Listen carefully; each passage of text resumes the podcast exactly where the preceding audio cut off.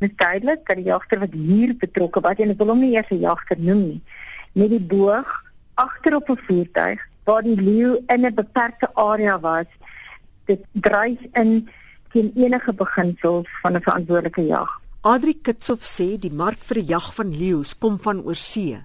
Jag is die doeltreffendste manier om die wildbedryf in Suid-Afrika te beheer op grond van volhoubare benutting.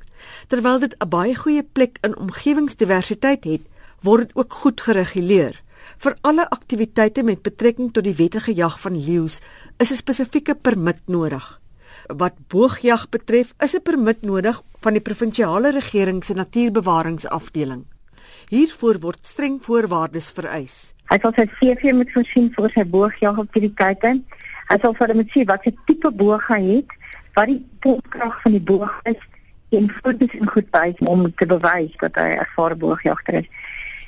In hierdie geval, as ek op enigiets in plek was, en die laaste ding wat ek enigstens wil doen is, is om na hierdie persoon te verwys as 'n jagter want dit was hy beslis nie. Iemand sal met hom in die voertuig op die voertuig die persoon wat dit gereël het waar die dier in aanhouding was nie dit is totaal en al 'n kriminele aktiwiteit gewees. Sy benadruk dat daar 'n verskil is tussen geblikte jag en die jag van leeu's wat in aanhouding geteel is, wat glowettig is. Met die hofsaak wat die leeuteelers gewen het teen die regering se 2 jaar terug, is die klausule oor hoe lank 'n leeu moet vryloop is uitgehaal maar leeu's val ook nie binne in TOPS so met ander woorde dit is nog steeds die regering wat dit reguleer. TOPS regulations so verwys na dit as TOPS TOPS en dit staan vir threatened or protected species.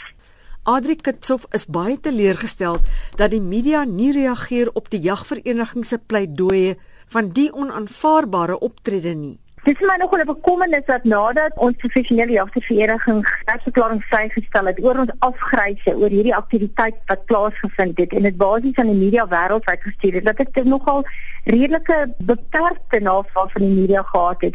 En ek is regtig bekommerd daaroor dat die media nou so gaan fokus en dit as die beeld van jag gaan uitdra daar buite. Wat dit nie is nie. In plaas van om te fokus op dit waarvoor ons staan en dat ons almal daaroor dink is en verbaas is dat so iets gebeur. Kitsof sê die jagbedryf en alle verwante aktiwiteite dra jaarliks 8 miljard rand tot die land se inkomste by. Die woordvoerder van die Nasionale Dierebeskermingsvereniging, Isabel Wenzel, het die feit dat geblikte jag voortgaan ten spyte van wetgewing betreur. Sy het ook 'n beroep gedoen dat enige persoon wat inligting het oor die voorval die nasionale dierebeskermingsvereniging kontak. Mitsi van der Merwe in Johannesburg.